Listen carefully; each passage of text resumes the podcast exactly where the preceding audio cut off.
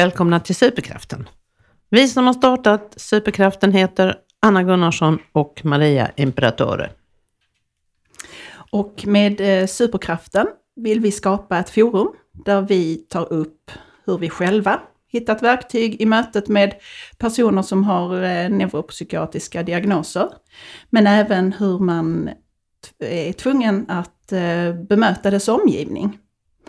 Och då har vi jobbat efter ledord eh, som har varit oerhört viktiga för oss i vårt arbete. Och det är hjärna, hjärta och sunt förnuft.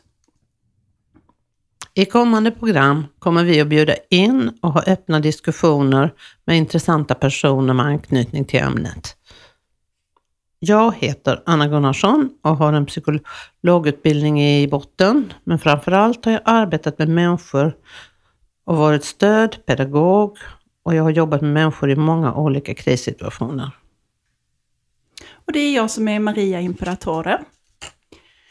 Mamma till fyra barn, varav två med diagnos. Min son Fabian har dyslexi och ADHD. Och min dotter har ADHD och är bipolär. Eh, och det var så vår resa började i vår familj. Fabian föddes först och sen kom Fanny. Och det var busiga små ungar som sprang omkring eh, och vi märkte rätt så tidigt att de inte var som alla andra. Fabian var mer som en busunge som utmanade sin kropp i mycket med klättring och, och så här. Och Fanny var väldigt, väldigt speciell. Hon kunde inte läsa av kroppsspråk, ansiktsuttryck, vilket visade sig många gånger på lekplatser. Vi var alltid i konflikt nästan med andra barnfamiljer för att Fanny kunde inte se det här spelet hur man är tillsammans. Hon kunde bara gå fram och putta på någon och bara studera vad som hände. Och så började tiden med Fanny. Och tiden gick ju, går ju snabbt som vi vet, men det blev ju till an, blev ju andra komplikationer och andra saker i, i livet som gjorde att det krävdes jättemycket av oss föräldrar. När vi valde att lämna storstaden för en mindre ort för att det var den bästa skolkommunen så tänkte vi att det här kommer att bli jättebra. Eh, men det var där egentligen vårt helvete började. För att komma till en plats där alla ska passa in i ett visst mönster. Det gjorde aldrig Fanny på det viset och blev väldigt snabbt utsatt. Och med personal och, och människor runt omkring som inte kunde läsa av vår dotter. Så att hon sattes väldigt snabbt in i ett eget fack. Där hon blev eh, besvärlig, elak eh, och helt utfryst. Vilket gjorde att vi fick plocka plocka bort henne från den skolan på grund av en fruktansvärd mobbing från faktiskt både lärare och elever. För så som jag upptäckte det, det var när jag kom in en dag i skolan och då så satt Fanny ensam i ett hörn i klassrummet. Och då förklarar lärarna att man kan inte ha henne bland de andra. Och utifrån det, och när vi var just i den skolmiljön, så öppnade Fanny upp sig och berättade allt som hade hänt, alla hårda ord och allting hon fick utstå varje dag. Och då sa jag till min lilla flicka som var nio år att nu är det sista gången du är här. Eh, nu ska vi hitta ett annat ställe. Så jag plockade hem henne. Och så bytte vi skola. Och så här har det hållit på lite fram och tillbaka. Eh, med pedagoger som inte har hållit hela vägen, som säkert vill sitt bästa men har inte kunskapen. Hela denna historien slutade med att Fanny var fruktansvärt utfryst och mobbad. Det skapades hatkonto på Facebook där alla önskade henne död. Vilket är makabert att tänka sig in i som förälder, men även som flicka. Jag glömmer aldrig när hon kom ner springande från trappan och storgrät och sa att alla vill att jag ska dö det var en period i sjätte klass. Så att då plockade vi Fanny från skolan igen. Och då lovade jag henne att vi ska byta kommun, skolkommun. Och det gjorde vi. Och det som kom fram under just den resan, det var ju hur lärare och pedagoger hade bemött henne. Hur man hur man inte stod på barnets sida överhuvudtaget, trots att vi som föräldrar var inne och jobbade. Vi var ju ständigt på möte. Varje vecka var vi i möte, vi blev uppringda. Eh, det var oerhört pressat för oss allihopa. Men det gick inte att nå fram och samarbeta på något sätt. Så då fick vi flyttat Fanny till en annan kommun och då kom hon till Lund, till en fantastisk skola där alla var accepterade att få lov att vara som man är. Och då hade Fannys pappa och jag ett högt krav och det var att vi skulle ha en resurs vid Fannys sida. Och det var då, Anna, som vi träffades. Ja. Och det var då du kom in i Fannys liv. Vilket gjorde att Fanny fick faktiskt sitt liv tillbaka och fick börja om tillsammans med dig. Och om det finns några hallelujah moments så tror jag att det var ett hallelujah moment mm. för Fanny. För det var för oss föräldrar i alla fall. Och jag vill jättegärna att du berättar om ert första möte. Jag ska berätta om när jag mötte Fanny för första gången. Men jag vill också säga detta att jag började skriva dagbok, eller dag, dagsanteckningar eller vad man ska kalla det för, när Fanny började hos mig. För det handlar ju också om att jag ville se hur skolarbetet gick framåt och jag var lite orutinerad på det här. Men först vill jag berätta om hur det var när jag mötte Fanny första gången. Det står en 13-åring i rosa tröja och med ögon som visar både ointresse och en liten aning motvillig nyfikenhet. Hon står där framför mig i korridoren. Fanny ska börja i sjunde klass i skolan där jag arbetar. Jag vet i stort sett ingenting om Fanny, mer än att hon haft det tufft och inte kunnat gå i skolan på länge. Hon beskrivs av skolledningen närmast som ett monster, vilket ju är fruktansvärt. Och det är ingen som har nämnt något om att hon har det jobbigt, är ledsen och har ångest. Livet är svårt för denna flicka. Nu är hon här efter olika turer i olika skolor, där hon på olika vis farit illa och blivit kantstött. Och när man känner sig annorlunda redan från början och när omgivningen inte förstår, då är man ofta den som blir den utsatta i alla lägen. Ofta mobbad och utfryst. Fanny står där tyst framför mig, tittar ner i golvet och sen upp i det höga taket. Hon ser trött, ledsen och rädd ut. Fanny har varit med förut. Hon är beredd. Så börjar skoldagen och Fanny vill inte gå in i klassrummet i klassen som hon tillhör och lektion. Hon vill inte sitta vid det lilla bordet framför fönstret i det lilla rummet där vi kan vara om vi behöver gå undan. Hon sätter sig på mattan bredvid bokhyllorna. Jag sätter mig också på mattan. Och här, på denna matta, kommer vi att spendera mycket tid. Mestadels sittande eller liggande på en ganska gammal och sunkig matta. Jag inser att jag måste ge detta barn tid och eget utrymme för sina tankar. Jag bestämmer mig för att skolarbetet får stå tillbaka ett tag. Och jag inväntar att Fanny ska visa minsta intresse för detta. Men det kommer att ta tid. Men jag är glad för hon börjar prata och berätta och jag lyssnar.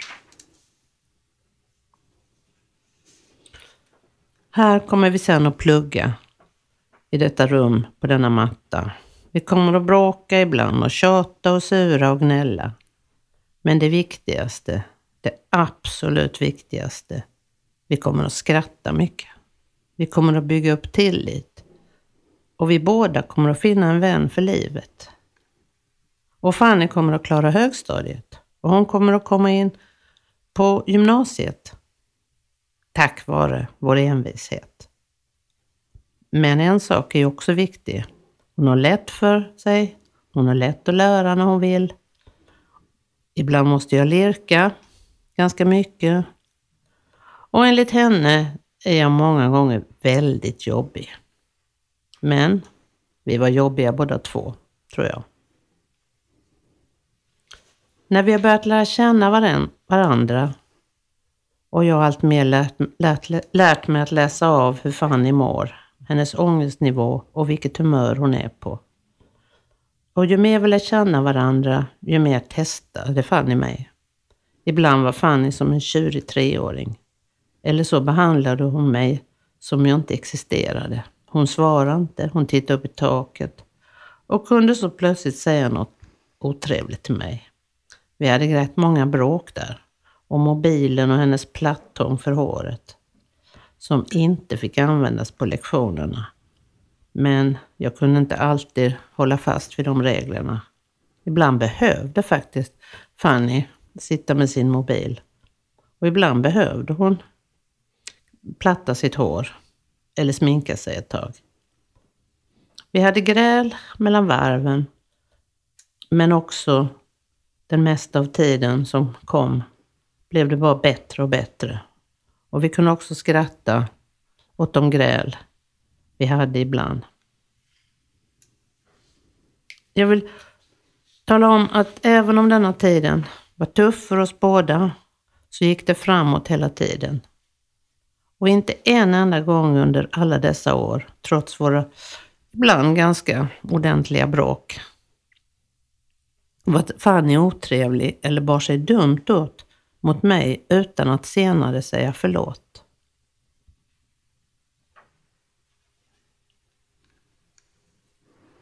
Mm, det var så det började. Ja.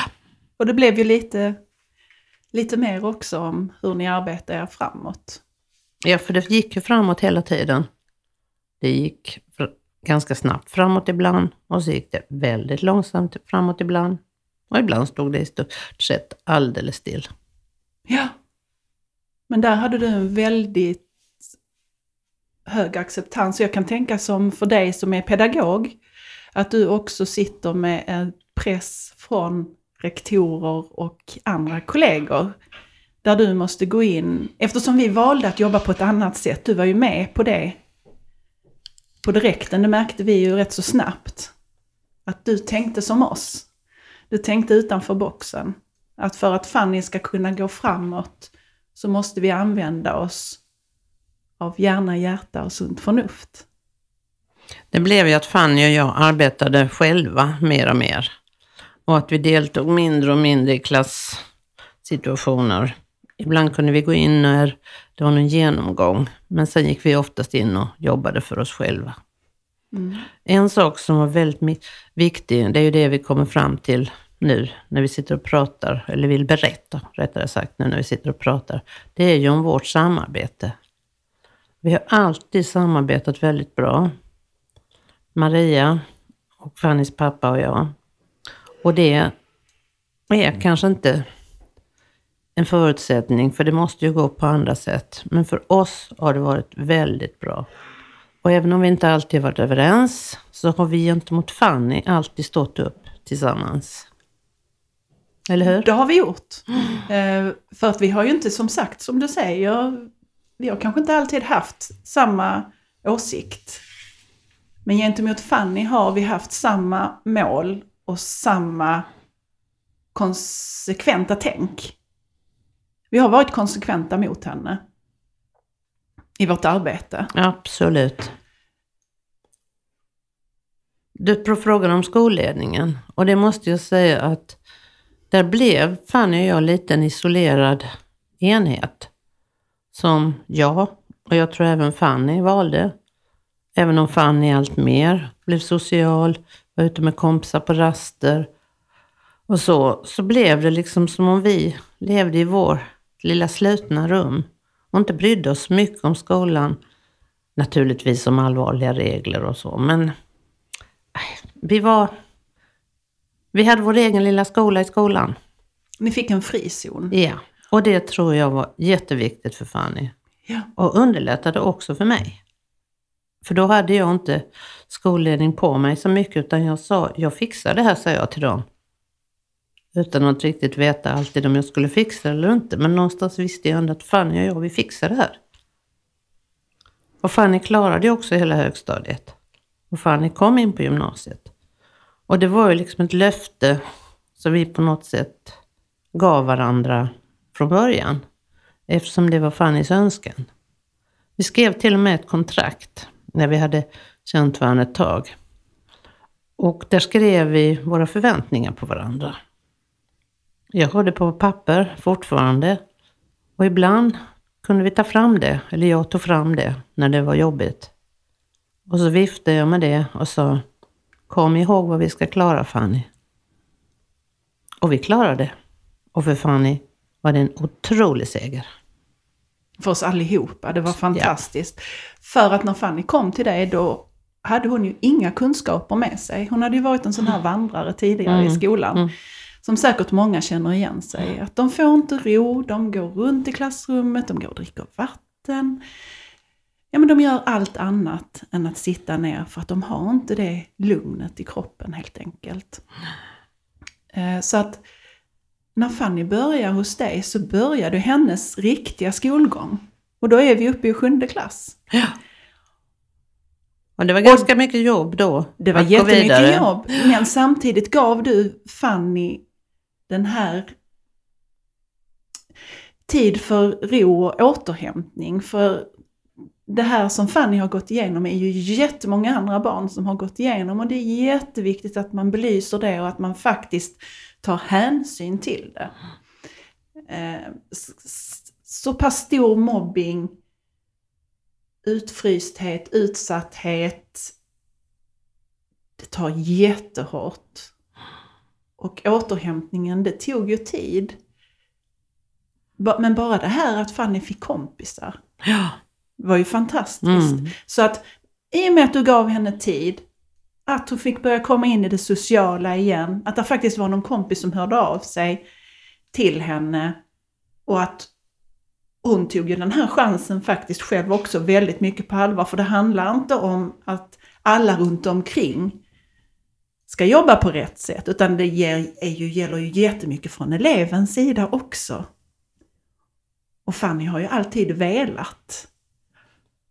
Om vi har pratat om hennes eh, funktionsnedsättning eller så här, alltså var hon, var hon brister. Och vi har fått ge, man får gå in konkret och ge exempel på att hur man ska kunna bättra, hur man ska kunna bete sig, hur man ska säga istället. Då har Fanny snappat upp det och börjat jobba på det direkt. Vilket har gjort att hon har gjort framsteg. Så hon har aldrig lutat sig tillbaka och bara förlitat sig till oss, utan hon har faktiskt jobbat enormt mycket med sig själv. Och det är viktigt i vårt arbete också. De vuxna måste jobba rätt och aktivt och barnet måste vara med. Men det finns en sak också som jag tänkte på nu och det är att, vi, att det handlar också om att barnet måste orka. Ja, Det är ju absolut. faktiskt så att barnet inte alltid orkar och inte alltid orkar ta in allt som händer runt omkring och all information. Därför får ju skolarbetet läggas upp på ett speciellt sätt. Precis. Och eh, för mig var det en stor glädje att få Fannys förtroende och se hennes växande och se hur mycket som hände under de här åren. Jag och Fanny har ju fortfarande mycket kontakt för sedan högstadiet så har jag via socialförvaltningen varit Fannys stödperson. Och, så vi träffas en hel del. Och det känns, och jag tror att jag fortfarande är en trygg person för henne som hon har stort förtroende för. Idag kan vi ligga på min matta hemma hos mig, titta upp i taket, prata allvar, skoja och skratta som vi alltid har gjort.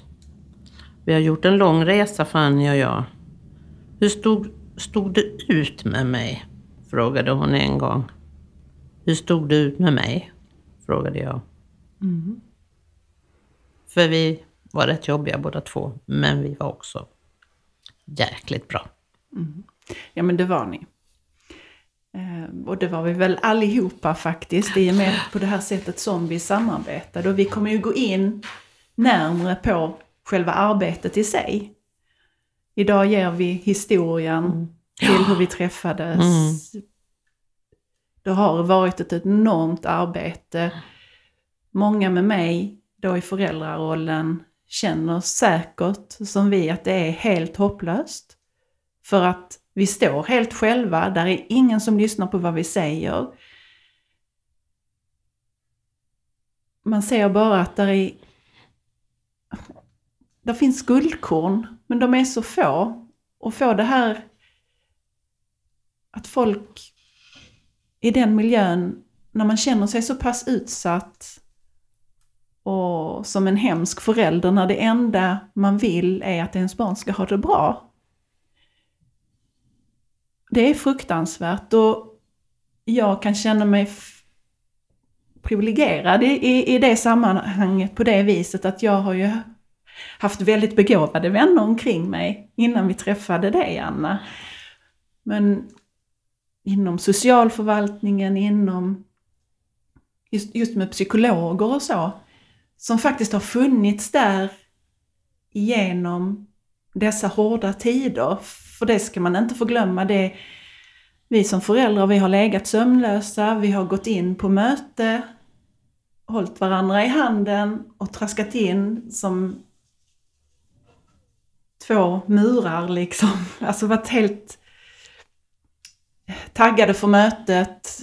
Jag har också alltid haft inställningen, för jag märkte tidigt att vi inte skulle få hjälp någonstans, att nej men då får vi köra över dem. För det är ingen som kommer att hjälpa vårt barn.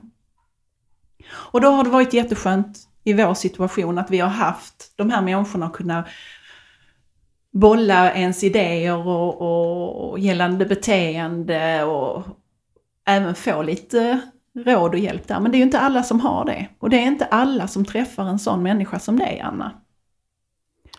Nej, tid, stress och som skolan ser ut idag, tyvärr, Mm. gör ju att möjligheten inte alltid finns och kanske ganska sällan finns. Men det handlar ju också om, delvis i alla fall, någon slags personkemi. Plus ett gott samarbete mellan föräldrar och pedagog. Jag tror också att jag ja, hade en hjälp i att det var nytta för mig att se att Fanny kom från ett väldigt kärleksfullt hem. Därför att det var mycket som visade detta som också tog bort en hel del strul. Fanny har alltid varit väluppfostrad, artig, hon har kunnat vara gräslig, men det, i botten på detta har ändå detta funnits. Och det är tyvärr inte alla barn som har fått det hemifrån. Nej, så är det ju. Och därför kan vi ju brinna lite extra för detta. Mm. För i och med, vi har, vi har, och jag måste säga att det är ju många föräldrar som, som har intuitionen och målet att det ska bli bra, men de har inte orken. För att de är så trötta, för jag vet ju själv hur det kändes att och sitta och tro, för att man tror att man kan lita på dessa människor, så kan man inte det. Och så får du ta in kunskapen själv och sen så måste du vara så tuff. Det är som att sitta i de värsta möte du kan tänka dig. Och så måste du vara som en pansarvagn. Och efter mötet så tänker man, men gud, vad sa jag där? Eh, Mm. agerar jag fel eller... Och sen så fick man alltid bara återkoppla igen, bara nej, men mitt mål är att jag ska ta igenom mitt barn och jag anser att de gör fel. Men tillsammans med dig Anna så lyckades vi ju med detta och vi vill finnas där och kunna hjälpa andra. Inte som utbildade proffs, utan självlärda. Ja. Du är ju proffset av oss kan vi ju då säga, för att jag är bara en mamma. Ja. Men mammor är proffs, kan jag säga som trebarnsmamma. Ja. Mm. Mm. Och därför har vi ju börjat med föreläsningar nu. Ja. Där vi går in och föreläser för skolor, för pedagoger, för föreningar. Och vi stöttar gärna föräldrar pedagoger om så behövs. Och barnen. Och barnen framförallt. Ja. Mm. För det var ju någonting som jag lärde mig mycket med. Alltså som sagt, jag har ju sagt att jag har en son som har dyslexi och ADHD. Och så har jag då min dotter som har ADHD och är bipolär. Och det, för det första så är det ju, är det ju två typer av diagnoser i det här. Så att det blir en annan kombination hos, hos de här. Men det är ju också att det är så pass stor skillnad på kille och tjej. Mm. Fabian har ju alltid varit väldigt socialt kompetent. Så vi har ju inte haft de problemen med utfrysthet, mobbing och så som vi har haft med Fanny. Men Fabian blev ju utsatt på ett annat sätt. Han blev ju insatt i ett värstingfack till exempel. Och som många av killar blir. Där du ser problemet på ett helt annat sätt. De här killarna som är stora och tuffa men som har ett hjärta av guld och vill bara göra det bästa för alla. Och som till slut lär sig att vad de än försöker göra så blir det så fel. De har ett hjärta av guld och vill hjälpa andra, men då är det de som får skulden hela tiden. Men där lärde jag mig i alla fall med min son att plocka in, så att då tog vi in, hon var faktiskt ordförande för Dyslexiförbundet, så hon satt med och då sa jag till henne att jag vill att du är mitt barns representant på de här stora mötena, som det alltid är, med rektorer och lärare och skolsköterskor och resursenhet. Och så var det vi föräldrar som då fick representera vår son. Men det blir så fel för att många i de här sammanhangen, där är säkert många med mig som känner igen det, att vi blir nedtittade på och de lyssnar inte på oss. Och plockar man in en representant då som kan sitta vid barnens sida, så att jag sa just där att nu är du inte här för mig som mamma eller för pappan, utan du är enbart här för Fabians skull. Och det blev en helt annan dynamik i de mötena. Där hon kunde gå in och säga, men så här funkar det, så här funkar det inte. De där kraven är orimliga, det där kravet är rimligt. Fabian ser det så här och ni ser det så här. Alltså hon gick in och jobbade och det är där som vi vill jobba också. Att kunna finnas med och se det och vara barnets representant. Eller i andra fall där vi är föräldrarnas representanter.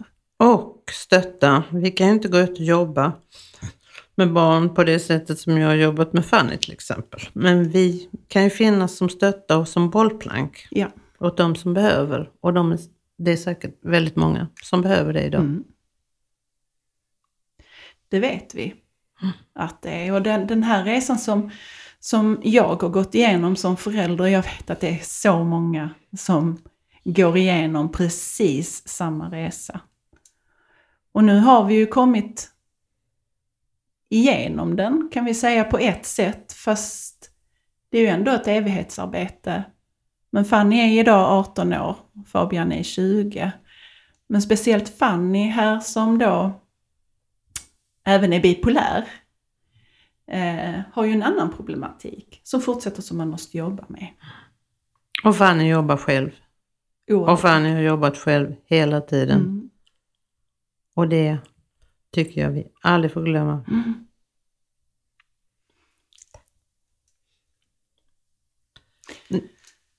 Ni ska ha tack för att ni har lyssnat på vår podd idag. Och vi kommer att återkomma nästa vecka. Mm. Och då kommer Fanny att vara med. Japp, Så jag hoppas ni vill lyssna vidare på oss. ni är Tack jättevälkomna. hej. Tack så mycket.